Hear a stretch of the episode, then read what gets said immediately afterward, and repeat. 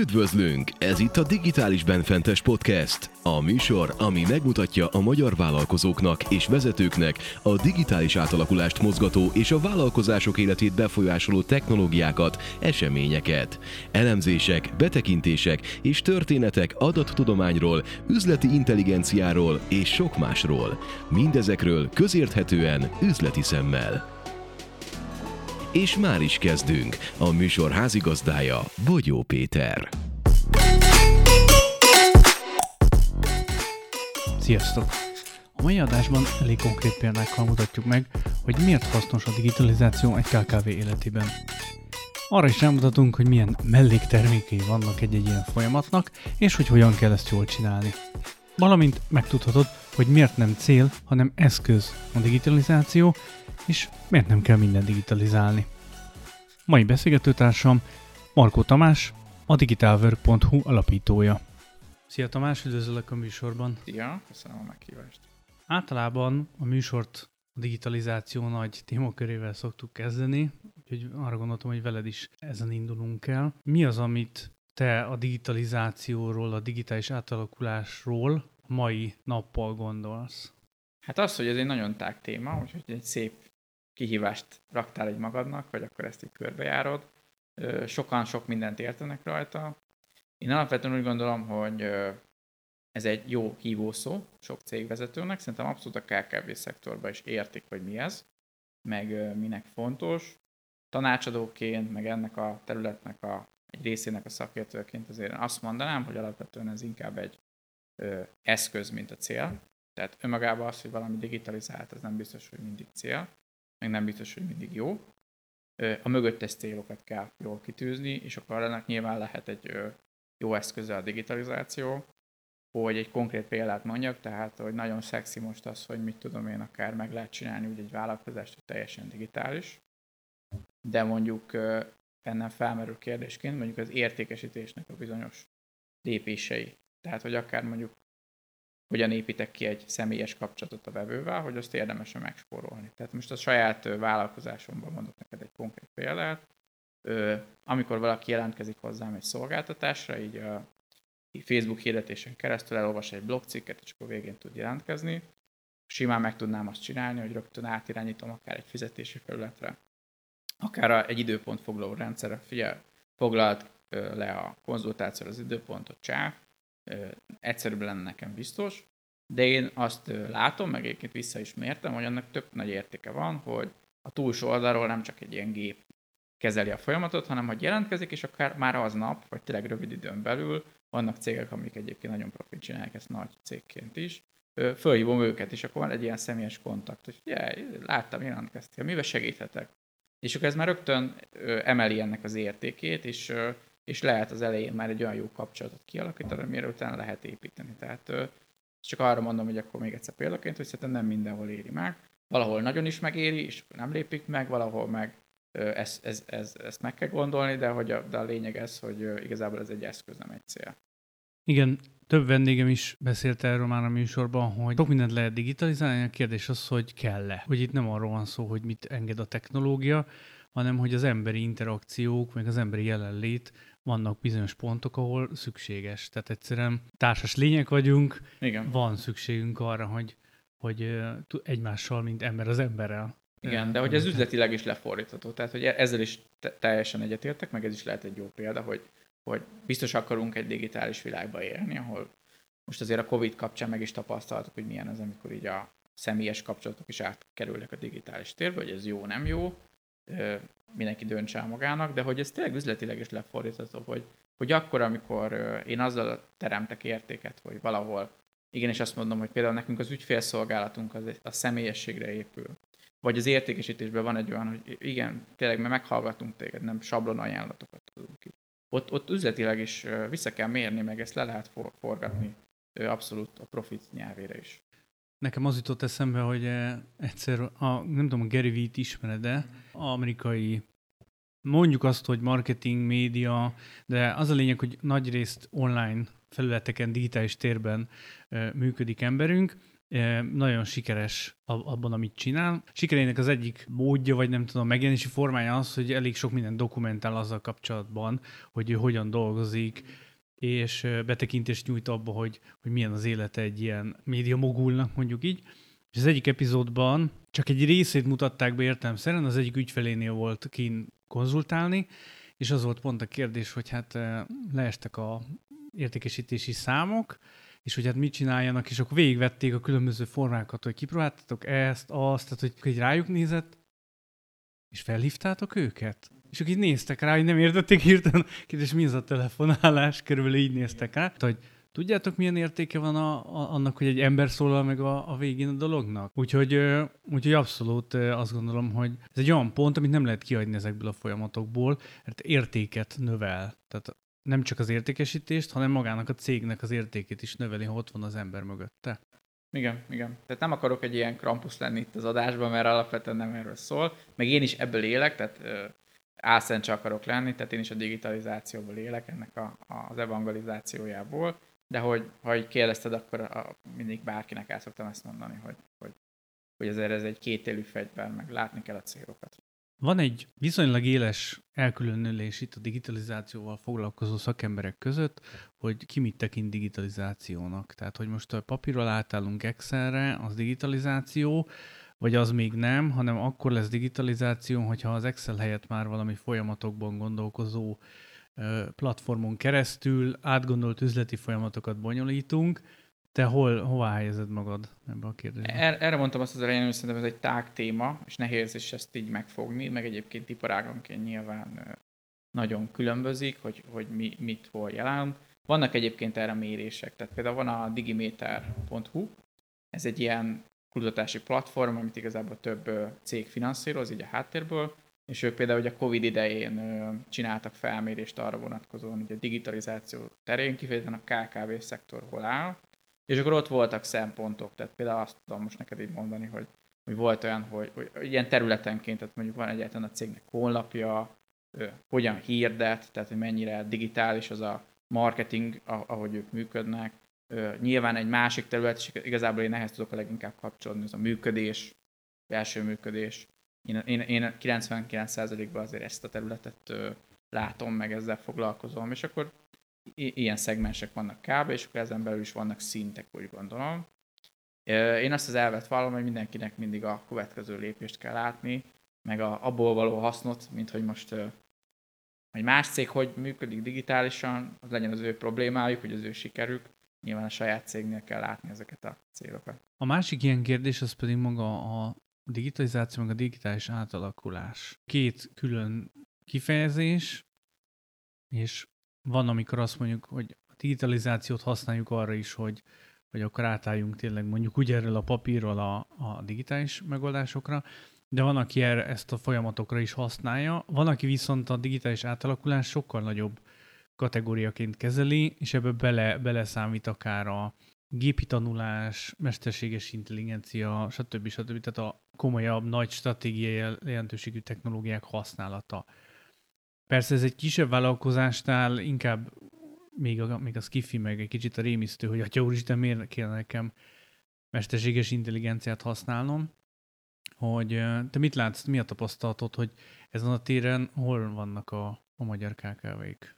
Hát ö, azt szerintem teljesen jó gondolat, amit így mondtál, rátok csatlakozni. Szerintem mindenkinek van egy üzletága, meg egy üzleti érdeke, és mivel hogy ez a digitális transformáció egy szexi fogalom, meg értik is a cégek, azt hiszem a KKV szektor is abszolút érti.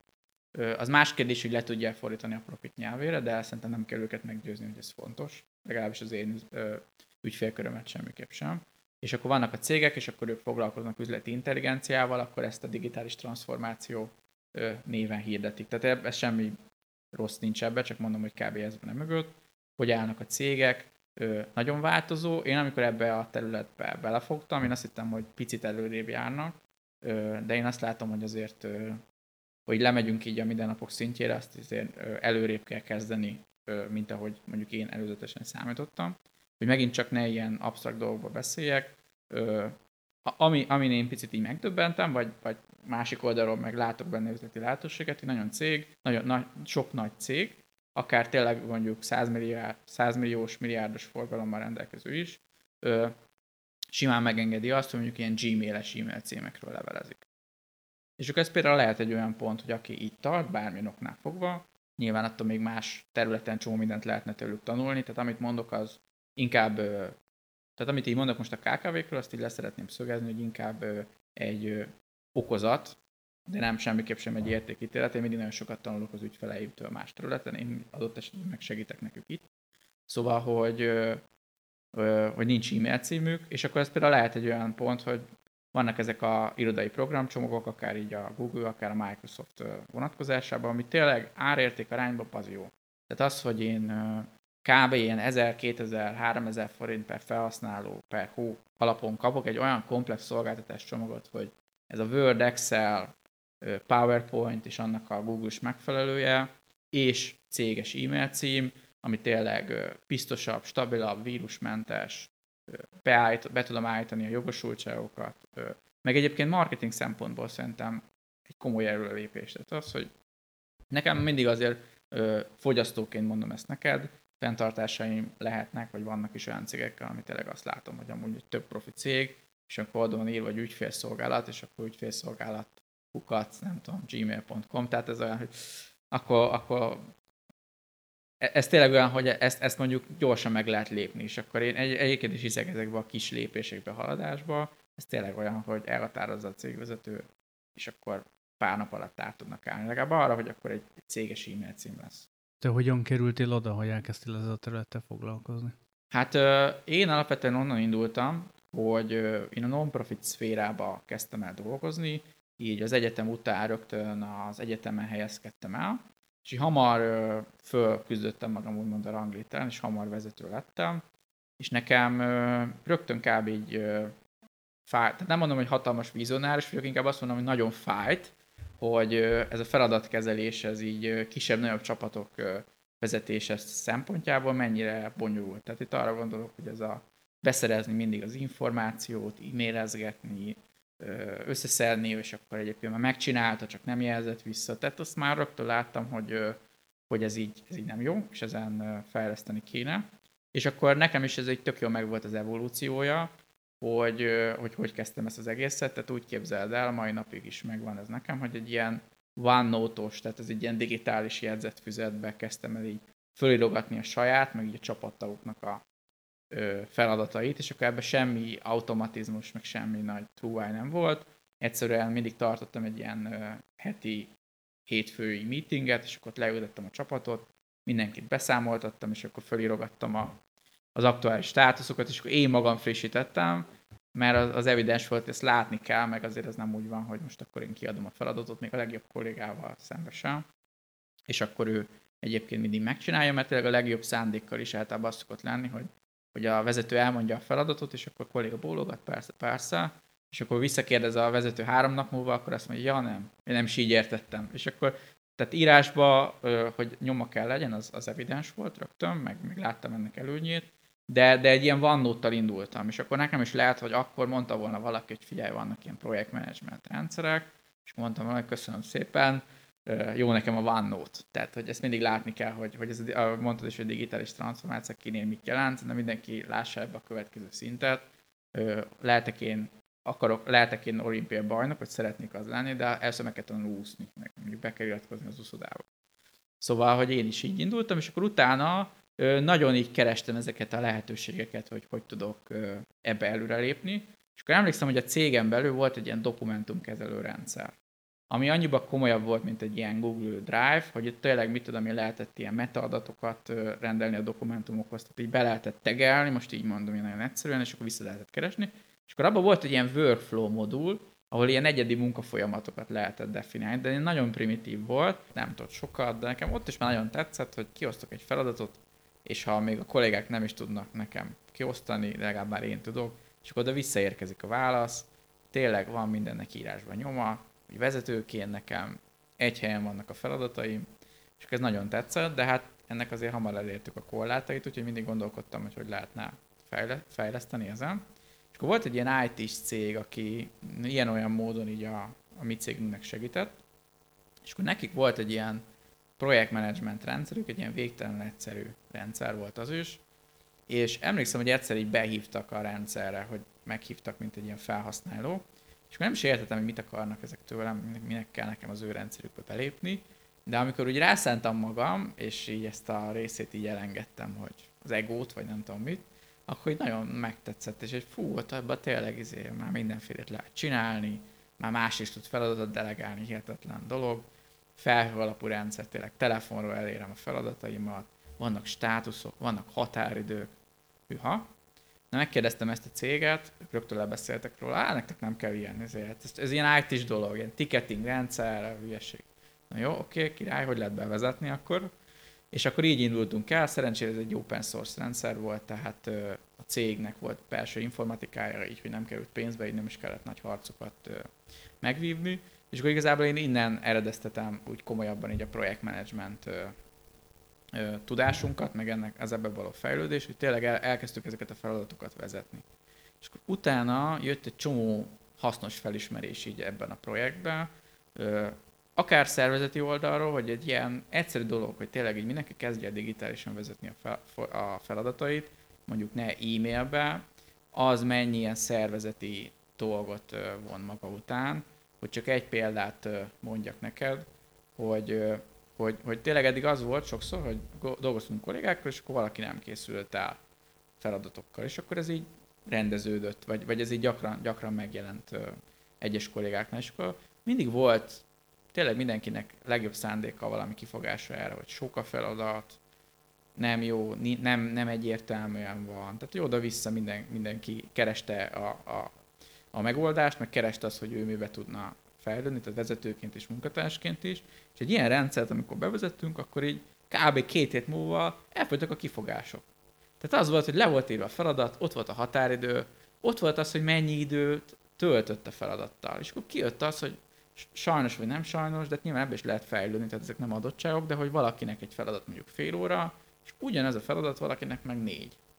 És akkor erre már nem lehet azt mondani, hogy sok a feladat, vagy ilyesmi. És ez na- tehát nagyon, nagyon kihozta az ilyen szervezeti típusú ö, különbségeket, meg, meg fejlődési lehetőségeket, mert mondom, ebbe is lehet fejlődni, meg vannak erre módszertanok, tehát erre is nagyon jó tapasztalat volt, de egy ilyen feladatmenedzsment rendszer, én azt szoktam mondani összes ilyen vezető ismerősömnek, meg ügyfelemnek, hogy ez egy ilyen aranybeánya, tehát tényleg ö, vezetőként szerintem nagyban megkönnyíti az életünket az, hogy, hogy és ezt szerintem meg is lehet követelni. Szerintem az, hogy a kollégák ö, most mennyire vezetik a saját feladataikat ebbe ilyen napi szinten, azt nem kell mindenkire ráerőltetni, pláne nem elsőre.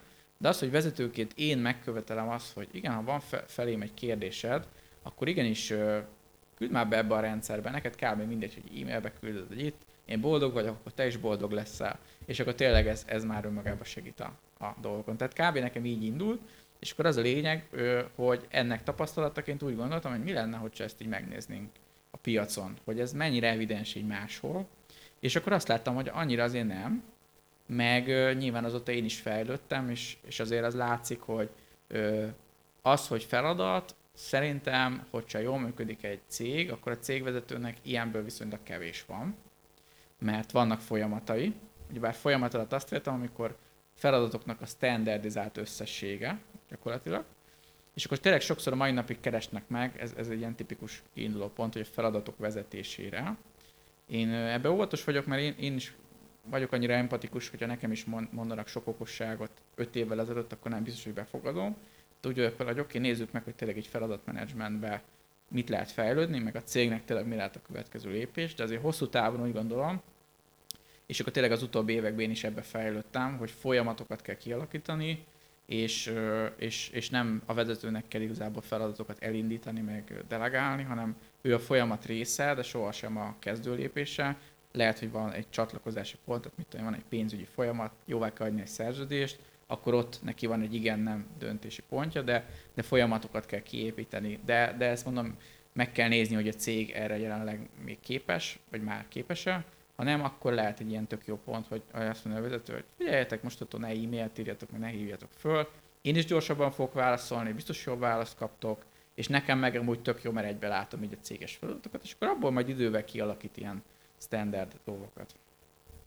Igen, nagyon jók ezek a példák, amit mondasz, mert én is ezt látom, hogy sok cégnél az első pont az nem a digitalizáció, hanem a folyamatoknak a rendbetétele, vagy mondjuk úgy standardizálása. Tehát, hogy ne az legyen, hogy ugyanazt a dolgot Béla és Józsi teljesen másképp csinálja, mert akkor kijönnek ezek a problémák, mint ahogy mondtál, hogy az egyik négyszer annyi ideig tart, mint a másik. És erre valójában a digi- nem a digitalizáció lesz a megoldás, hanem, mint ahogy a legelején mondtad, az már csak az eszköz hozzá, hogy valahol nyilván tartjuk meg, meg egy ponton túl majd ugye tudjuk ezt automatizálni, de nem ez fogja megoldani a dolgot. Ezzel a szellemiséggel hol találkoztál, vagy milyen projektnél találkoztál elő, először, ahol azt, azt láttad, hogy sokkal inkább a gondolkodásmódot kell előbb kezelni, mint hogy be tudja vinni egy technológiát? Alapvetően, amiket így mondtam, az tényleg így a mindennapi vezetői tapasztalatból jött, ilyen tök intuitív módon, tehát hogy én is tudtam lehet, hogy még x évvel ezelőtt, hogy most pontosan mi az, hogy folyamat, vagy csak ilyen nagyon tág, vagy nagyon ilyen felhős elképzeléseim voltak róla, de hogy, hogy ezt tényleg így megtapasztaltam a mindennapokban, hogy, hogy, hogy nekem is könnyebb, meg mindenkinek könnyebb, hogy mondjuk, hogyha jön egy új kolléga, akkor nem ott kell rögtönözni másnap, hogy mit kell vele csinálni, hanem van egy leírt feladatlistám, és akkor ennyi a folyamat, tehát nem kell se túl misztifikálni, főleg az elején, hogy megtervezem, hogy oké, okay, mondjuk az első három hónapban egy új belépő kolléga esetén mik azok a tipikus feladatok, amiket el kell végezni, és akkor ezt tényleg egyszer írom össze, és akkor lehet, hogy csak mindig egy-egy újabb kollégával három plusz dolgot írok hozzá, de addig is fejlődik a dolog. Viszont már amikor jön az új ember, akkor viszont már kap egy meglévő feladatlistát, és az megint csak mindenkinek jó, azért ez megint egy jó első benyomás, és akkor nincs az a kellemetlen helyzet, hogy ide jön az ember, már fizetem a bérét, de még asztal sincs, meg laptopja sincs. Tehát, hogy ö, ilyen intuitív módon jött ez a dolog. Az, hogy ha, ha erre is vonatkozott a kérdésed, hogy, hogy, hogy, hogy mikor esett le, vagy hogy esett le az, hogy, hogy ez nem csak egy informatikai projekt, ez meg végigvilágos volt, mert nem is az informatikai vonalról kapcsolódok le, kapcsolódok erre a témára, tehát nekem van egy szociológus diplomám, úgyhogy így a, ezeket a humán dolgokat azt hiszem, hogy nem kell nekem különösebb magyarázni, meg én szeretem magamat, bár óvatosan, de kicsit ilyen szervezetfejlesztőként is mondani, tehát hogy, hogy én azért látom, hogy ezekben a projektekben szükség van ilyenre, nem vagyok szervezetfejlesztő dedikáltan, meg ez megint csak egy tág téma, amiben egy kár is így pozícionálni magamat, mert, mert, mert ez is egy külön szakma, meg ebbe az irányba is jobban kéne menni, de hogy az a lényeg, hogy ezeknek a projekteknek nagyon sok szervezeti vonatkozása van, ezt nekem így különösebben magyarázni, vagy, vagy meggyőzni, ez, erről sose kellett pont azért, mert, mert tanulmányaim, tapasztalataim azért ebbe az irányba mutattak. Gyakorlatilag, amiket eddig meséltél, az alapján azért kirajzolódik az a kép, hogy az a amit elvárunk körülbelül az ügyféltől, hogy fokozatosan lépésről lépésre haladjon, gyakorlatilag neked, ahogy megismerted ezt az egész témakör, gyakorlatilag ez személyesen is, ezen haladtál végig. Igen, és ebben nagyba segít az ilyen ügyfélprojekteknél az empátia készség, ezt mindenkinek ajánlom, hogy, hogy tényleg én is ö, ö, úgy gondolom, hogy nagyon gyorsan fejlődök, és már egy évvel ezelőtt is teljesen más gondolt. Tehát, ha megkérdeztél volna egy év, hogy mit gondolok a digitalizációról, full mást mondtam volna. De azt kellett belátnom, és amiként ez nem egy ilyen régi felismerésem, hogy attól még, hogy én szakmailag fejlődök, az ügyfeleim maguktól nem fognak hozzám fejlődni. Tehát én most kivehetően arra próbálom magamat kondicionálni, hogy azzal az empatikus készséggel álljak ezekhez a projektekhez, hogy ő ott tart, ahol én 5 évvel ezelőtt, vagy 10 évvel ezelőtt, és vajon én mit tudtam volna befogadni abból, amit én saját magamnak mondok, ez egy kicsit ilyen skizoid helyzetnek hangzik, de azért mentálisan rendben vagyok, tehát nem erre akarok utalni, hanem tényleg az, hogy, hogy, hogy neki megtalálni a következő pontot, és neki segíteni abba, és nem okosabbnak lenni nála. Mert egyébként ezek, én, én tehát úgy gondolom, hogy, hogy egy jó marketing folyamat, meg egy jó értékesítési folyamat megszűri az ügyfeleket. És nyilván hozzám eleve olyanok jönnek, vagy olyanokkal szerződők, akik valamilyen módon látnak bennem kapcsolódást. Tehát én, a, én nagyon, nagyon inspiráló, nagyon értelmes vezetőkkel szoktam együtt dolgozni, akiket én a másik részről nagyon is tisztelek, és tőlük is tudok tanulni, és akkor abszolút ez megvan, hogy, hogy, hogy ez egy kölcsönös jó kapcsolat. Meg nem gondolom ezt, hogy okosabb vagyok, mert nem gondolom azt, hogy nekem rögtön le kell tolnom mindent így a torkán, így a digitalizáció hívószavával, már csak azért sem, mert mert azért sokszor látom azt, hogy elindulnak a cégek, és akkor túl nagyot akarnak, tudod, és akkor azt mondják, hogy jelenleg cetli, és akkor hirtelen vállalatirányítási rendszer. És akkor nincs meg ez a fokozatosság, és akkor vagy az van, hogy bevezetik, mert be lehet, mindent be lehet, csak utána megkérdezem róluk erről őket, és akkor ez a digitalizáció ez egy ilyen szitokszóvá válik. Meg amit így gyakran egyébként szoktam hallani, hogy nekünk nem kell több rendszer. És akkor, és akkor kvá, most nem, nem, tehát nem akarom így túlozni, de hogy valamilyen szinten tényleg sérültek válnak az emberek. Ilyen, ilyen, ilyen digitalizációs sérültek válnak, hogy egyszer bevezettek egy ilyen vállalatirányítási rendszert. Szerintem az a komplexitás csúcsa, meg a, meg a szívásnak a csúcsa, amit így el lehet érni. Erről is beszélhetnénk, hogy miért van ez de hogy utána meg akkor ez a, ez a, ez a mentalitás, ami nem jó szerintem, hogy, hogy, hogy így állunk hozzá, hogy, hogy, hogy, hogy minél kevesebb rendszer, meg, mert akkor, tehát ilyen mondatokat el tudok mondani, akkor minél kevesebb kolléga, minél kisebb cég, tehát ez, ez valamilyen szinten mindegyik igaz, de valamilyen szinten mindegyik a fejlődéshez kell, meg, meg, meg ez csak az egyik oldala így a dolgoknak, tehát, tehát erre ezért vigyázni kell. Ami eszembe jutott erről, az az, hogy sokszor felmerül, és nem most, hanem akár visszamehetünk 20 évvel ezelőttre is, amikor, amikor én ezekkel elkezdtem foglalkozni, hogy az a probléma már akkor is létezett, hogy bevezettek egy új rendszert, kollégákat elvesztették rajta, tehát hogy nem kezdték el használni a rendszert, mert legyen az a komplexitása, az újdonsága, tehát a hirtelen nagy lépés volt valójában mindig a probléma, és azt gondolom, hogy ez ma is ugyanígy igaz, tehát maga a probléma az ugyanúgy fent tud állni, hogyha most hirtelen bevezetünk a papír után egy vállalatirányítási rendszert, viszont akkor szolgassuk ezt a dolgot, amit itt felvetettél, hogy neked itt mi az, amire gondoltál itt, hogy mondtad, hogy ezen még tudnánk menni? Szerintem ez már egy fejlődésnek a következő lépésének kéne lenni, vagy egy, egy fejlődési fok kell hozzá, hogy ez be lehessen vezetni. Tehát, hogy nem biztos, hogy minden cégnek innen kell indulni, meg rögtön ezt, a, ezt kell megugrania, mert látni kell azt, hogy ez milyen áldozatokkal jár, akár amit mondtam, hogy ilyen sérültség, de tényleg az, hogy, hogy ezzel azért komoly, meg jó kollégákat el lehet veszíteni, és nem véletlenül hangsúlyozom mindig azt, hogy meg, meg nekem úgy gondolom, hogy egy értéke az én szolgáltatásomnak, hogy igenis őrizzük meg a csapategységet. Tehát semmilyen rendszer nem ér annyit, hogy, hogy emiatt értékes, meg tényleg nagyon jó kollégákat veszítsünk el, hanem ezt a csapattal együtt kell és fokozatosan. Tehát most mondhatnék ilyen frappáns hasonlatokat, de szerintem mindenki érti, hogy nem lehet egyszerre nagyot ugrani, és nem is biztos, hogy kell. És, és, és, és, és persze én értem üzletileg, hogy legtöbben azért úgy állnak ezt hozzá, meg én is hallom ezt, meg nekem is mondják, hogy figyelj Tamás, most akkor megcsináljuk ezt a digitalizációt, de akkor mondj valami tuti megoldást, azt mi tényleg drágán megveszük, de akkor hagyja utána minket békén, tehát utána mi ezt letudtuk ezt a projektet, csak sajnos a világ nem így működik. Tehát egyrészt a technológia az baromira változik, és most talán mondok egy olyan témát, ami egy hallgatóknak is közelebbi, hogy mondjuk egy honlap, tehát az is hiába csinálják meg egy csúcsúper céggel, aki tényleg nagyon profi, marketing szempontból, technológiailag, szövegírás, mind, mindenben profi, akkor is el fog avulni ez a dolog, ha más nem tartalmába, de egyébként technológiailag is, meg, meg dizájnban, meg, meg, meg az aktuális divatokat már nem fogja követni. Ugyanezt gondolom ezekről a rendszerekről is, hogy egyrészt változik a, a, a cég, változik a piac, változik a, ez a technológiai környezet, meg, meg, meg nem lehet ezeket így elsőre megugrani, és, és sajnos azt nem lehet kikerülni, hogy lehet, hogy elsőre mondjuk nekünk csak egy ügyviteli rendszerünk lesz, ami mondjuk a ügyviteli alatt én azt értem, ami nem ilyen komplex, tehát nincs benne az összes ilyen tipikus üzleti folyamat, hanem mondjuk csak egy számlázás, vagy mondjuk csak egy raktározás. Akár indulhatok ezzel is, ez, ez iparágfüggő, tehát én azt látom, mondjuk egy kereskedelmi cég, az hamar el tud ide jutni, mert ott igazából a, a nagy érték, meg a nagy mennyiség, ugyebár az áruból van, és akkor ott ez a vállalatirányítási rendszer ez hamarabb elő tud kerülni. De mondjuk egy szolgáltató cég, szerintem nagyon sokáig el van egy vállalatirányítási rendszer nélkül is, és sokkal inkább mondjuk, mivel jött a szellemi munka, vagy a szellemi tőke a valódi érték, ott mondjuk én lehet, hogy mondjuk egy projektmenedzsment rendszerrel indítanék, vagy ezzel az irodai programcsomaggal, látva azt, hogy mit bír a csapat, meg mit érdemes megtenni.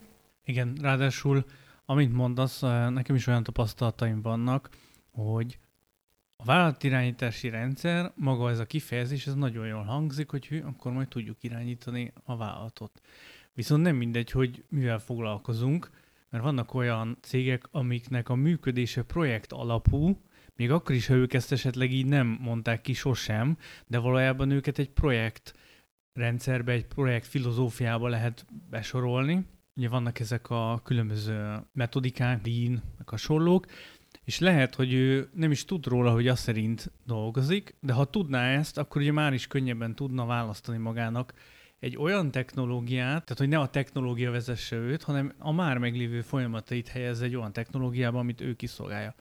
Aminek semmi köze a számlázáshoz, raktárkészletezéshez, hanem az egyéb folyamatokhoz. Ráadásul most nem beszéltünk gyártó vagy fejlesztő cégekről, ahol teljesen mások lehetnek az elvárások egy ilyen dologgal kapcsolatban. Mi az, amit te látsz, hogy mi a legnagyobb akadály, amikor egy ilyen téma előkerül, hogy mi az a probléma, ami szerinted valójában meggátolja őket, hogy ezt így befogadják, része kell, hogy legyen magának a cég működtetésének. Szerintem ö, több dolog is lehet, most akkor hogy kettőt mondok. Tehát egyrészt az, hogy ez látni kell, hogy ez egy változásmenedzsment projekt, és változni senki se szeret, ha nem muszáj.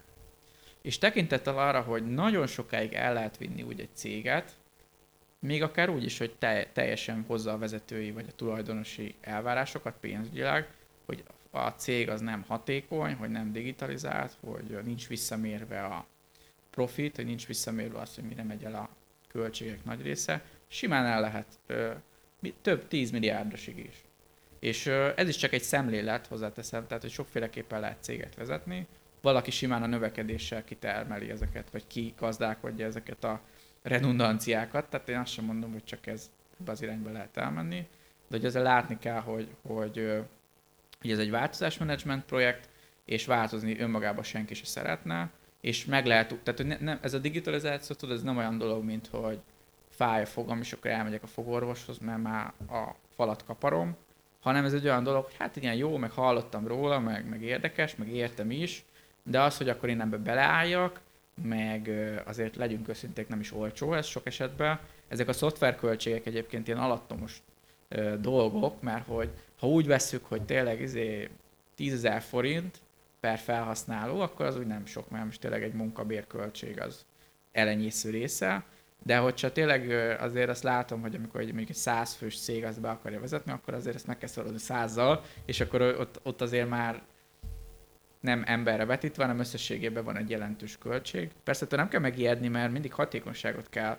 visszamérni. Én ezt szoktam mondani, hogy most nincsen egy drága vagy olcsó, hogy a vállalkozó világban, ha valami tízszeres haszonnal ö, forog, akkor az jó, ha meg valami nem jó, akkor akkor azt el kell hagyni egy idő után, vagy akkor nem, nem, nem kell csak azért rendszer nekünk, hogy legyen. Ha nem jó, akkor váltani kell, akkor próbálkozni kell, ha meg jó, akkor meg semmi se drága. Tehát szerintem ez a változás, ami, ami, ami leginkább nehezíti ezt a dolgot, hogy, hogy, hogy kevés olyan cég van, aki, bár ismerek olyat, és egyébként azok tipikusan jó ügyfelek, akik, akik idézőjelben mondom, hogy jó ügyfelek, akik ennek tényleg már lassan irányú kommunik a cég, mert akkor nem kell nagyon magyarázni, hogy kell ez a belső működés, fejlesztés, mert már nem tudja egyszerűen összetartani a céget rendszerek nélkül, mert annyian vannak, vagy annyi az ügyfél, vagy, vagy ezeknek bármilyen kombinációja. De sok cégnél ez, ez nem jön el, vagy, vagy, vagy csak később jön el. Az jutott róla eszembe, hogy nekem is vannak olyan ügyfeleim, meg korábban is dolgoztam olyanokkal, ahol az a gondolat volt az akadály, hogy az ügyvezető azt nézte, hogy a bevétel és a költségek aránya körülbelül ez volt az a mérőszám, amivel, amivel dolgoztak. És amíg elég sok volt a bevétel és a költségeket jól tudta tartani, addig a úgymond a részletek már annyira nem érdekelték, mert neki az volt a gyakorlatilag ilyen pénzügyi gondolatból menedzselt a céget. Nekem az szűrődött le itt az évek alatt, hogy van két olyan nézőpont, amit hogyha megosztunk az ügyfelekkel, akkor, akkor azért tudják vakarni a fejüket. Az egyik az az, hogy mi az a pénz, amit gyakorlatilag eléget, tehát amit, amit elpazarol, mert nem veszi észre, hogy ott a felesleg van, és itt apróságokra is gondolok, tehát arra, hogy hát ráálltak arra, hogy hát ők XY-tól szállítatnak be, és hát tök jóval vagyunk, figyelj, ezek elvisznek minden évben golfozni, meg ajándékcsomagot küldenek karácsonyra, és fel sem merül benne, hogy körbenézzen a piacon, és ez egy konkrét példa, hogy amikor kitört járvány, és jó emberünk nem tudott beszerezni Kínából, mert megállt a teljes kereskedelmi lánc, akkor azt mondta, hogy atya úristen, hát ő nem állhat meg, meg minden, és kiderült, hogy itt Magyarországon egy jobb minőségben, olcsóbban termelő partnere évtizedek óta itt van a piacon, csak sose kerültek össze. A másik ilyen, ami meg még szembe jön, az amikor a folyamatok hiánya, vagy azok a lukak, amik a folyamatokban vannak, azok a meg nem termelt pénzt nyelik el. Tehát az az összeg, amit megkereshetett volna, hogyha mondjuk a marketing rendszere profibb, mármint folyamat szinten mondom, vagy akár az értékesítés, ott is tudok jó példát mondani, van olyan cég, ahol az értékesítők viszonylag kis kontrollal tudtak működni, tehát nem, nem voltak mindennapi szinten számon kérve, és az adminisztrációjuk ennek megfelelően elég hát ha finoman fogalmazok, akkor hanyag, és ebből következőleg, ha eszébe jutott az értékesítőnek visszahívni azt, akinek megígérte, hogy visszahívja, vagy, vagy megígérte, hogy vissz, küld egy ajánlatot, akkor megtörtént, ha nem, nem. Amikor ezt rendszer szinten standardizálták, hogy jó, akkor az értékesítés folyamata így néz ki, minimum a nap végén ezt is ezt be kell írni a rendszerbe, ha nincs beírva, akkor az, akkor az nulla. Üres érték, és gyakorlatilag így nem változott meg az, hogy őket napi szinten elkezdték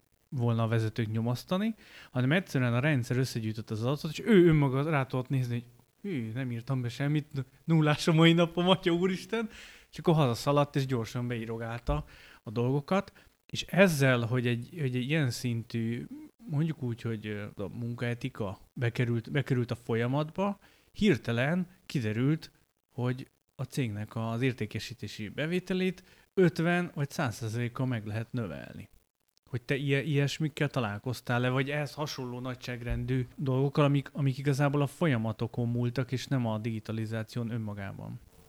Figyelj, szerintem amiről mindketten beszélünk, én tuti, de szerintem te is, hogy ez egy, ez egy menedzsment filozófia. Ez, hogy gyakorlatilag ez abból áll, hogy én úgy tekintek a cégemre, mint egy rendszerre. És hogyha ez igaz, vagy hogyha így tekintek rá, akkor a rendszer az mit tud, leírható, standardizálható, automatizálható, szabályozható, és nyilván ami ilyen keresztül ezt a rendszert meg tudom fogni, az a folyamatok. Mm, én nem mondom, hogy ez egy jobb vagy rosszabb menedzsment módszertan, mint a többi más. Szerintem megint csak így az empátiát visszahozva, ezerféleképpen lehet céget építeni. Én azoknak a cégvezetőknek tudok segíteni, akik vagy ebben értéket látnak, vagy ebben most jelenleg még nem olyan erősek és szeretnének fejlődni, ahogy mondott, szerintem ezer ilyen pontot lehet találni, ahol ez a dolog meg tud térülni. Csak hogy egy példát mondjak neked, ami most nekem egy ilyen nem régi felismerésem, és nagyon sokkolt, hogy, hogy, hogy így a pénzügyileg mennyire nincsenek tisztában a cégvezetők így a saját cégükkel. Tehát ez nagyon tipikus, hogy, hogy elküldik a könyvelőknek, amit el kell, de az, hogy hogy állunk profitba, hogy állunk bevételbe, hogy állunk költségbe, esetleg ne Isten mondjuk ezt egy kicsit alábontva, ö, arról már nem is beszélek, hogy mondjuk hogy térülnek nekünk meg a projektjeink, vagy a megrendeléseink, hogy erre nincs, nincsenek igazából rendszerek, meg nincs is elképzelés, hogy ezt lehetne vezetni.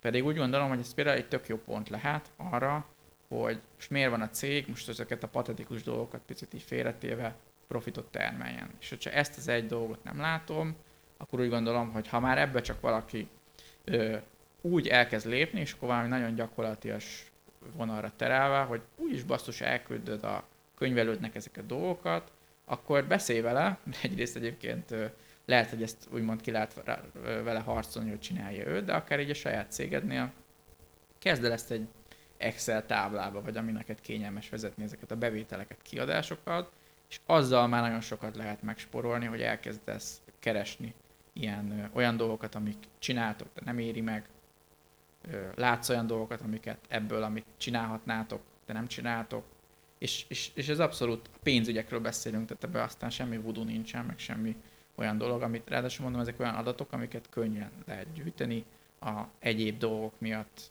könyvelési dolgok miatt amúgy is lehet gyűjteni, vagy kell gyűjteni, és akkor szerintem ebből, ebből gyorsan lehet abszolút a pénznyelvére lefordítható következtetéseket levonni. Beszéltünk itt már uh, magyar KKV-król is konkrétabban. Menjünk ezen a vonalon tovább, hogy uh, most így a közelmúltból van-e olyan történeted, amit meg tudsz velünk osztani, ami ezekről, amikor eddig beszéltünk ilyen kicsit uh, általánosan, ami konkrétan, tehát amikor, amikor egy ügyfélnek tényleg volt egy olyan problémája, amiről esetleg nem is tudod, hogy problémája, és te segítettél neki meglátni ezt, és aztán egy megfelelő technológiával társítani. Hát most csak hogy akkor a legutóbbinál maradva, aztán meglátjuk még mi jut eszembe, hogy ez a pénzügyi dolog, tehát egy ügyfelemnél, most ez egy, egy, egy jelenleg is futó projekt, azon dolgozunk, hogy, hogy oké, okay, hogy ez a cég közel, több mint 100 milliós bevétellel, 10 plusz fővel dolgozik, de hogy soha nem volt egy tudatosság ebbe a növekedésbe, hova akarunk eljutni, mik a célok, hogy tudom tudatosan a kollégák erőforrásait felhasználni, hogy tudom őket bevonni ebbe a folyamatba. Most ugyebár körül, amit körülírok, ez a stratégia alkotás, hogy egy ilyen folyamatot csinálunk most együtt, és hogy ennek tényleg csak ilyen járulékos elemeként, hogy, hogy, hogy most volt először, hogy összeszedtük a cégnek a pénzügyi alapadatait. Mert eddig nem volt meg, meg ráadásul azért tudni kell, hogy itt a KKV szektorban ez sose annyira egyszerű, hogy akkor most lekérem az Optemből, vagy valami rendszerből, mert azért mindig vannak ilyen adóoptimalizálási kérdések is, meg hogy több cég van, mit, nem is értek hozzá, nem is akarok belemenni. De hogy ezt, egyszer ezt így tényleg összeszedtük, és akkor kiderült például, hogy a cégnek nem feltétlenül van annyi cashflow tartaléka, mint ami kéne, és sok esetben így azon a szinten van, hogyha mondjuk kiesik egy ügyfél, vagy kiesik egy bevétel, egyébként multiknak dolgoznak, tehát ez nem ritka, hogy mondjuk a multi mondjuk elfelejt fizetni három hónapig, akkor baj van, és mondjuk hitelből kell finanszírozni a működést. Tehát, hogy egy ilyen dolog, hogy oké, okay, akkor, akkor ezt, ezt elkerülhetetlen legyen egy pénzügyi tervezés, hogy átgondoljuk, mennyi cashflow tartalékunkra van, cashflow tartalékra van szükség, hogy átgondoljuk tényleg, hogy az erőforrásainkat hogyan ö, allokáljuk úgy, hogy abban tényleg utána a végén profit legyen. Igen, most én elgondolkoztam ezen, hogy, hogy azért csak ez a vonal, ez mennyire, tehát hogy mennyire sok cégnek lehetne csak ezen a vonalon segíteni ezzel a történettel. Igen, ha mennyire van igény, az egy másik kérdés. Ezek mind olyan dolgok, amikről beszélünk, hogy picit így szerintem a cégvezetőket abba is kell az elején segíteni, hogy megértsék, meg legyen egy olyan tanácsadó, aki tényleg ezt így lefordítja a cégük nyelvére, akár így a forintosítva, vagy akár arra a célra, amit ő szeretne, csak hogy ezért mondom ezt neked, mert beszéltem pár napja egy könyvelő cégnek a vezetőjével, ez egy ilyen közepes könyvelő cég, és ő mondta, hogy ő ezt, a, ezt amit gyakorlatilag elmondtunk, ő nagyon szívesen odaadná a partnereinek ingyen, tehát ő adna egy riportrendszert, és a meglévő szolgáltatások, szolgáltatási díj ö, nem emelve, ö, van egy rendszer, oda belép a cégvezető, és bármikor látja ezeket az összefüggéseket, meg ezek az alappénzügyi mutatókat. És azt mondta, hogy egy ilyen három-négy évvel ezelőtt csinált egy piackutatást, egy a saját ügyfélköréből, és az jött ki, hogy erre nincs igény. Ez a dolog, ha most a pénzügyeken kicsit följebb lépünk, ugye akkor ez az üzleti intelligencia kategóriája, amikor bizonyos kulcsszámokat, kulcsmérő számokat tudunk nézni, főleg vezetőként, ugye? Tehát a vezetők a saját területükön, az ügyvezetők, meg a tulajdonosok, meg a saját szintjükön. Nekem még mindig az a tapasztalatom, hogy nagyon sokan az értékesítés összegét, a valójában befolyó összeget, meg a kiadásokat. De hogy valahol itt megáll a, megáll a gondolkodás, és nincs az, amit te is mondasz, hogy nincs, nézzük meg a részleteket, mert akkor kiderülne, hogy az egyik üzletág nem úgy termel, mint a másik, pedig ugyanazt csinálják. És akkor lehetne ugye javítani a, akár a folyamatokon, vagy a hatékonyságon. Igen, abszolút. Ennek is fokozatai vannak. Tehát hogy ezen az üzleti intelligencia, most ez ilyen, egyébként van egy adatelemző diplomám, tehát azt hiszem, hogy van is egy rálátásom erre a területre. Most ilyen nagy, megint úgy hangzik, hogy úristen üzleti intelligencia, így a mindennapok szintjén, meg így a, így a magyar valóság szintjén tényleg ezt ott kell elkezdeni, hogy milyen adatokra van szükségem, és akkor csak kezdjük el gyűjteni. Tehát erre példa pénzügyek is, és egy mindenféle pénzügyi kimutatásokat akarok, ahhoz először akkor ezeket az adatokat egy olyan rendszerbe kell beletenni, de nem mondom, hogy jó, de lehet ez egy Excel tábla is, tehát nem kell itt megint csak nagy dolgokra gondolni, amiből utána ezeket az összefüggéseket ki lehet venni. Ennek aranybányája egy ilyen ügyviteli rendszer, vagy egy ilyen projektmenedzsment rendszer, mert ott nagyon sok információ alapértelmezetten benne van.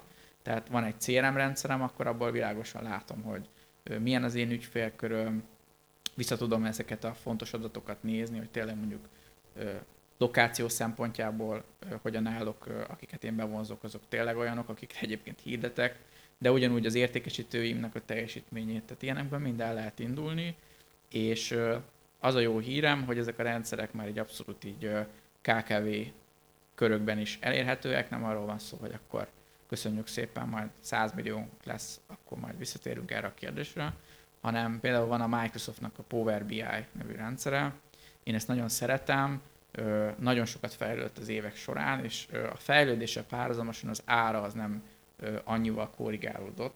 Tehát ez azt jelenti, hogy tényleg ilyen pár tíz dollárja lehet venni egy olyan licenszt, amivel el lehet kezdeni használni, és akkor tényleg kell egy tanácsadó, vagy kell egy ilyen fejlesztő, aki ezeket a riportokat kiépíti nekünk, de ezek a technológiák egyébként mind abba az irányba mennek, hogy most nyilván még cégvezető ne legyen rendszerépítő, meg adatelemző se, de meg lehet ezeket tanulni előbb-utóbb fokozatosan, felhasználói szinten, hogy igen, vannak adataim, azokat valaki egyszer beköti mondjuk, de onnantól kezdve én is egy, egy kördiagramot össze tudok rakni, akár tényleg úgy is, hogy ez nem volt eddig, és akkor én azt összekattingatom, nem kell itt bonyolult dolgokra gondolni, és, és ráadásul ezek olyan rendszerek, hogy nem kell mindenkinek rögtön. Tehát, hogy akár csak a cégvezető elkezdi használni saját maga, egyébként úgy ingyenes, nyilván nem akarok senkit hitegetni, hogy, hogy, hogy most ez hosszú távon is ingyenes marad, meg hogy neki biztos, hogy jó az ingyenes verzió, de egyedül akár el tudja kezdeni ingyenesen is, és utána be tudja csatolni mondjuk első körbe azt az öt kulcs emberét, vagy kulcs vezetőjét, és az, az nem arról van szó, hogy venni kell tényleg száz főnek ilyen üzleti intelligencia rendszert. Szerintem ez is egy ilyen ö, ö, jó pont. Én azt látom, hogy nekünk ilyen szakértőknek abban is van szerepünk, hogy ezekbe úgy, e, ezeken a területeken úgy segítsünk, hogy, hogy, hogy segítsünk ezeket a szoftvereket például megtalálni. Meg egy egyáltalán, hogy, hogy megértetni, hogy mire jó, meg, meg abban segíteni, hogy me, megmutatni, hogy ezekhez nem kell nagy dolog, nem kell nagy befektetés, már egy fejlődő stádiumban lévő cég, ezt simán ki tudjuk gazdálkodni, nem is beszélve arról, hogy ezek mind olyanok, amik ugyebár megtérülnek, hogyha erre figyelünk. Én is rá tudok csatlakozni erre, nekem is ez a tapasztalatom. Ráadásul a Microsoft BI olyan eszközrendszerrel rendelkezik, hogy nem is kell feltétlenül nekünk ott egy vállalatirányítási rendszerre szükségünk, hanem képes Excel, különböző Excel táblázatokból e-mailekből tegyük fel, hogy van egy megrendelési folyamatunk, hogy az emberek a weboldalunkon egy egyszerű formanyomtatványt kitöltve rendelnek. Tegyünk fel, hogy tényleg itt tart a cég. Jó, szuper, a bejön egy e-mail, hogy rendeltek. És ez a rendszer képes arra, hogy abból az e-mailből kiveszi azt a két értéket, amire szükség van ahhoz, hogy a vezető lássa azt, hogy aznap mennyi rendelés érkezett be. Bum, ennyi. És tényleg ez egy kattintós történet. Igen, és hogy ez az üzleti intelligencia, az meg tehát abszolút egyetértek, és tök jó, hogy mondod, hogy, hogy igazából még egy rendszer se kell hozzá Excel tábla. Én ezt arra hoztam például, hogyha vannak meglévő rendszerek, ezt is rá lehet csatolni. Meg hogy ez mennyire intelligencia, vagy mennyire nem. Tehát itt, itt nem arra kell gondolni, hogy akkor most akkor jövő héten ezt bevezetjük, és akkor kiváltjuk a munkatársak felét, mert a robot megjósol mindent, meg kitalál helyettünk mindent. Tényleg arra gondoljatok, hogy, hogy akkor azok, amiket eddig fáradtságosan vagy sehogy nem gyűjtöttetek információkat, hogy mondjuk az értékesítőknek milyen a sikerrátájuk, ezt most valós időben fogod látni, bármikor, amikor ránézel, akár a telefonodon. És innen kell indulni egyébként. Erre szoktam azt mondani, hogy az unalmas, ismétlődő folyamatokat kell látni ebben, hogy ezek fognak kikerülni a napi munkából. Tehát addig, amíg Jolánka eddig az e-mailekből átmásolta ezeket a megrendelési adatokat egy Excelbe, amit aztán majd a raktáros kinyomtatott és az alapján összerakott kiszállításra. Ezt a folyamatot lehet automatizálni, és ez kerül ki, és ez nem azt jelenti, hogy Jolán elveszti a munkáját, hanem ő sokkal hasznosabb hozzáadott értéket tud az ember által elvégzett munkával cégnek megteremteni. Ami meg eszembe jutott még, az például az, hogy aki esetleg még ezt is úgy gondolja, hogy ez is túl nagy lépés, arra jutott eszembe, hogy én nemrég váltottam a Billingóra, mint számlázó program, kicsit jobban megnézegettem, és gyakorlatilag, ha van egy kis cég, aki azt mondja, hogy hű, hát tényleg mondjuk a pénzügyekbe akarunk rendet, a Billingónál a kimenő, bejövő számlákat szépen behúzza a rendszer, tehát már ott van minden adatom. Plusz ki tudok adni árajánlatokat a Billingon keresztül, azokat a billingon keresztül jóvá tudják hagyni, amiből én aztán tudok számlát generálni, tehát már ott rengeteg papír, idézőjelben papírmunkát, tehát hogy most én külön Wordbe írogassak mindig egy árajánlatot, nem, ezt az egészet a billingon belül lehet tartani, egészen odáig, hogy kiszámlázom, és ugye a bejövő pénzt a bankszámla szinkronnal még ráadásul nyomon is lehet követni, tehát még arra se kell figyelni, hogy most minden reggel föl kell menni és meg kell nézni, ki utalt. Nem, nem kell. És ezek nagyon aprónak tűnő dolgok, de a valóságban ez emberek munkaidejében órákat jelenthetnek, és ha csak azt nézem, hogy napi szinten minden munkatársnak egy óráját megspórolom egy ilyen jól megválasztott rendszer használatával, akkor az munkatársanként minimum 21 óra. Hát vagy a hibákat csökkenti. Tehát, hogy csak évente van egy darab számlám, amit nem fizetek ki, mondjuk a százezeres tétel, akkor már megérte. És szerintem nagyon jó a példád, csak kapcsolódni tudok, hogy ez is egy olyan megoldás, hogy kb. 1000 pár száz forintért, és nem kell mindenkit hozzáadni nyilván számlázóhoz, cégvezetőként magamat, vagy az asszisztensemet és vagy az asszisztensemet hozzáadom, már király vagyok, és annyi minden elérhető benne. Tehát én ezt annyira látom, hogy nekem a munkám egy része az az, hogy a, egy cégvezető bizalmat szavaz nekem, és meg bemutatja nekem a működését, akkor nagy részt abból áll a munkám, hogy egyébként, hogy a meglévő rendszerekből hogy lehet kihozni a maximumot. Ez is nagyon tapasztalat, és akkor tényleg így megint így a gyakorlat mesdjére visszatérve, hogy már csak annyit csináltok, hogy megnézitek, hogy most milyen rendszereket használtok, amire nem is gondolnád, nagyon jó a példád, hogy ez egy számlázó program, és akkor eddig mindenki használta számlázásra, és mennyi lehetőség van benne, és tényleg ezt csinálom én is az ügyfeleimnél, hogy sokaknak már megvannak a rendszereik. Tehát miért nagyon sok olyan dolgom van, van már vállalatirányítási rendszer, van már számlázó program, minden egyéb, csak nem, nem tanította meg nekik ezt senki olyan szinten használni, meg nem követik utána ezeknek a rendszereknek a fejlődését. Nem az ő hibájukból, szerintem ez annyira egyébként a szoftveres cégeknek is a hiányossága, mint, a, mint, mint másoknak. Hogy, hogy ezekből, ezekből tényleg megnézni, hogy, hogy mondok egy másik nagyon tipikus példát. Én ugyebár ebben a folyamatmenedzsment, feladatmenedzsmentben vagyok talán a legerősebb, amiről az elején beszéltem. Sokan jönnek hozzám, hogy szeretnének feladatkezelő rendszert és akkor nekem már van erre egy bevált kérdés sorom, fel szoktam tenni, hogy milyen rendszereket használnak jelenleg. És akkor mondják, hogy hát nekünk amúgy van Office-unk. Oké, okay, az azt jelenti, hogy van Microsoft 365 előfizet? Persze, igen, hát mi ezt már fizetjük, fizetjük évek óta. És amúgy ismeritek a taskot, meg a plannert, meg a listet, ami, ami amúgy már fizettek. Ja, ja nem, nem, nem. Tehát ez megint olyan, hogy, hogy, hogy nem tudja, mert lehet, hogy nem mondta el neki senki, vagy, vagy nem fordított el energiát, hogy hogy amiért már fizet, abban még mit lehet neki hozni, és lehet, hogy neki csak tényleg azt kell, mondjuk az e-mail helyett egyel bonyolultabb módon vezesse a saját feladatait cégvezetőként, és akkor azt ott van a Microsoft Tudó, oda kattint, és már működik. Tehát semmi nem kell hozzá, már fizet is érte. Ez megint csak lehet egy olyan pont, hogy, hogy, hogy nézzétek meg a jelenlegi rendszereiteket, és, és hogy hát van benne még potenciál. Mert én azért azt tapasztalom, hogy a legtöbb esetben van. Mi az, amit tudsz javasolni annak, aki most hallgatja ezt az adást, és azt mondja, hogy ő, ez érdekes, amit, amit mondasz, és hogy tényleg akkor meg kéne nézni, hogy mi az, amit uh, tudok én tenni a cégemért, hogy hatékonyabb legyen, hogy átláthatóbb legyen, vagy jobban lehessen irányítani, hogy mi az az első dolog, amit ilyen esetben te javasolsz? Ezt nem nagyon tudom kikerülni, mert ez jutott eszembe, meg ez, ez a leginkább releváns, hogyha tényleg a cégnek ez ennyire fontos, és, és száll, szállna erre ennyit, akkor menjen el egy szakemberhez is, és nézesse át a rendszereit vele. Mert ö, nekem is van egy ilyen ö, digitalizációs auditom. Valamilyen szinten ez egy szitok szó, meg nehéz ezt így eladni sokszor egy cégvezetőknek, hogy mert az a mondás, hogy most minek fizessenek azért, amit már hogy, hogy most engem képbe hozzanak, de azért általában ezekből az auditokból mégiscsak az szokott kijönni, hogy a cégben nagyon sok potenciál van, amit nem használnak ki. Tehát egy ilyen szolgáltatás most mindegy, hogy tőlem vagy mástól, de, de érdemes lekérni, és abból nagyon sokat lehet tanulni, és, és akkor lesz egy szakember, aki, aki tényleg megmutatja, hogy mik az irányok, meg mik a jelenlegi nagyon gyors következő lépések, amiket tényleg akár utána szakember nélkül is el lehet kezdeni használni. Uh, nyilván ez lehet egy irány, mert az jó, hogy a cégvezető bevonódik ezekbe a folyamatokba, meg kell is, de azt már nem tudom, hogy mennyire jó az, hogy tényleg ő, ő, ő lesz az, aki mondjuk utána a buildingó szakértő lesz, ha van erre dedikált kolléga, akkor nyilván ezt neki is ki lehet adni, hogy ismerje meg. Tehát ez lehet például egy ilyen alternatíva. Az a kérdés, ami sokszor felmerül, az ügyvezető mondjuk nála megvan a szándék, hogy oké, okay, rendben, akkor megértette, és akkor ezt csináljuk, hogy akkor viszont az a kollega, aki ezt tartozik, ez a feladatkör, ő mennyire lesz nyitott erre?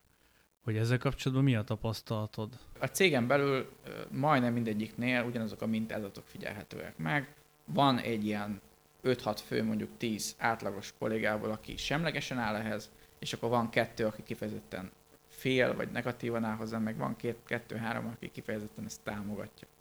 És akkor nyilván ezeket meg kell találni, ezeket az embereket, azokra kell építeni, akik ebbe inkább támogatóak, és, és be kell őket vonni, és sokszor egyébként, aki nem támogatja, az se rossz indulatú, meg egyáltalán nem akar rosszat a cégnek. Nyilván, ha ilyen van, azon nem kell együtt dolgozni, de én ezt nem feltételezem sehol így alapértelmezetként. Neki is vannak félelmei, például az, hogy úristen, hát most akkor ezt megcsinálom, akkor utána nem, nem kell a munkám. Tehát, hogy egy érdekellentét lép föl, de nincs erről szó, mert én, én azért kevés olyan céget láttam, ahol ezt megcsinálták, és akkor kirúgták a legjobb munkatársakat. Miért tették volna ezt? Sem értem nincsen. Így bevonni őket, utána őket. Meg nekik is megmutatja, hogy hogy lesz jobb. Tehát sokszor csak ennyi kell hozzá, hogy nem csak úgy kiadni a feladatot, hogy néz utána, hanem, hanem olyan szinten, hogy, hogy oké, okay, akkor nézd meg ezt a számlázót, mert egyébként azt látom, hogy nagyon sok számla nincs kifizetve, és ez mennyi kárt okoz a cégnek, de mennyivel jobb lenne neked is, hogyha ez a banki adatszinkron, amit mondtál, hogy van egy bankunk, és akkor a számlázóba látom, hogy mi, mi az a számla, ami már ki van fizetve, vagy nem kell neked manuálisan megnézni. És akkor annyival könnyebb az életet neked is. Akkor elérkeztünk, úgy érzem, a ajánlói szegmenshez.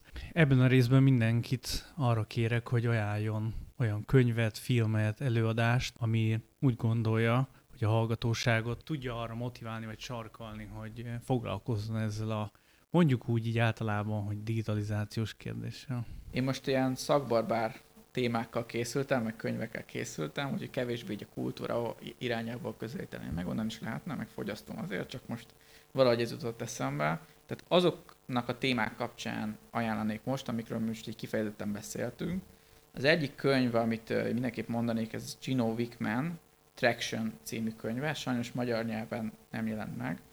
Ez gyakorlatilag arról szól, hogy ez a, ez a management szemlélet, amit már így említettem, hogy egy rendszerként gondolkodok a cégemről, hogy én ezt elfogadom, vagy, vagy ebbe az irányba szeretnék lépni, hogy nagyon exakt módon le van építve, hogy hogy lehet egy ilyen tényleg KKV vállalkozás, nem multi, fölépíteni, hogy akkor mit kell nekem a stratégiába, mit kell nekem az emberek terén, mit kell nekem a folyamatok terén, mit kell nekem az adatok terén, és akkor még van pár ilyen kategória, lépésről lépésre tennem, hogy egy ilyen rendezettebb, szervezettebb cégem legyen. Ez egy friss könyv, és, és tényleg nemzetközi példákat hoz, meg a maga a könyv is ugyebár amerikai. Ebből szerintem sokat lehet tanulni. Ha ez a folyamatfejlesztés téma valakit érdekel, egy mélyebben, megint csak amiket mit mondok, az mind kkv Van David Jennings Systemology című könyve, ez megint csak egy angol nyelvű könyv, ez, a, ez az, hogy hogyan lesznek a feladataimból folyamatok című. Megint csak nagyon gyakorlatias sablonokkal, hogy kezd el, hogy priorizálj, és, és kb. akkor a cég így magyar viszonylatban is elképzelhető abszolút megvalósítható. A harmadik könyv, az meg kicsit ilyen kakuktojás, mm, behoznám, ez Eric Ries Lean Startup című könyve. Én ezt nagyon szeretem ezt a könyvet, sokan szidják. Én úgy értelmezem, hogy gyakorlatilag az innováció folyamatát írja ő le. Ez megint csak egy jó példa arra, hogy sokszor szokott az lenni így a folyamatfejlesztésben, szerintem lehet, hogy te is tapasztaltad, hogy hát ezt nem lehet, mert hogy ez annyira kreatív, meg annyira leírhatatlan dolog, én ezt napi szinten tapasztalom, hogy ez, ez, a, ez szokott lenni válaszként, és egy, mégis egy olyan absztrakt dolgot, mint hogy az innováció, ami sok, úgy, sok ember úgy kezeli, ugyebár ez a mondás, hogy vagy sikerül, vagy tanultunk belőle, mégiscsak le tudja úgy írni, meg egyébként megindokolja például ez a mondás is sokszor miért nem helyén való, és, és hogy lehetne jobban csinálni, hogy, hogy e, ez például a magyar nyelven is elérhető, akinek pluszt jelent, akkor, akkor a három közül olvassa ezt, hogy, hogy ez is kicsit így a folyamatok világába vezet, és egyébként egy nagyon érdekes módszertan így a, az innovációról. Erik Ríz úgy látszik, hogy ilyen top könyves tételünk lesz, mert többen ajánlották már. Köszönöm szépen, hogy itt voltál, és hogy segítetted a hallgatókat abban, hogy eligazodjanak ebben a digitális átalakulásban. Én köszönöm a meghívást. Hallgatóknak is köszönjük a figyelmet, nem sokára folytatjuk. Sziasztok!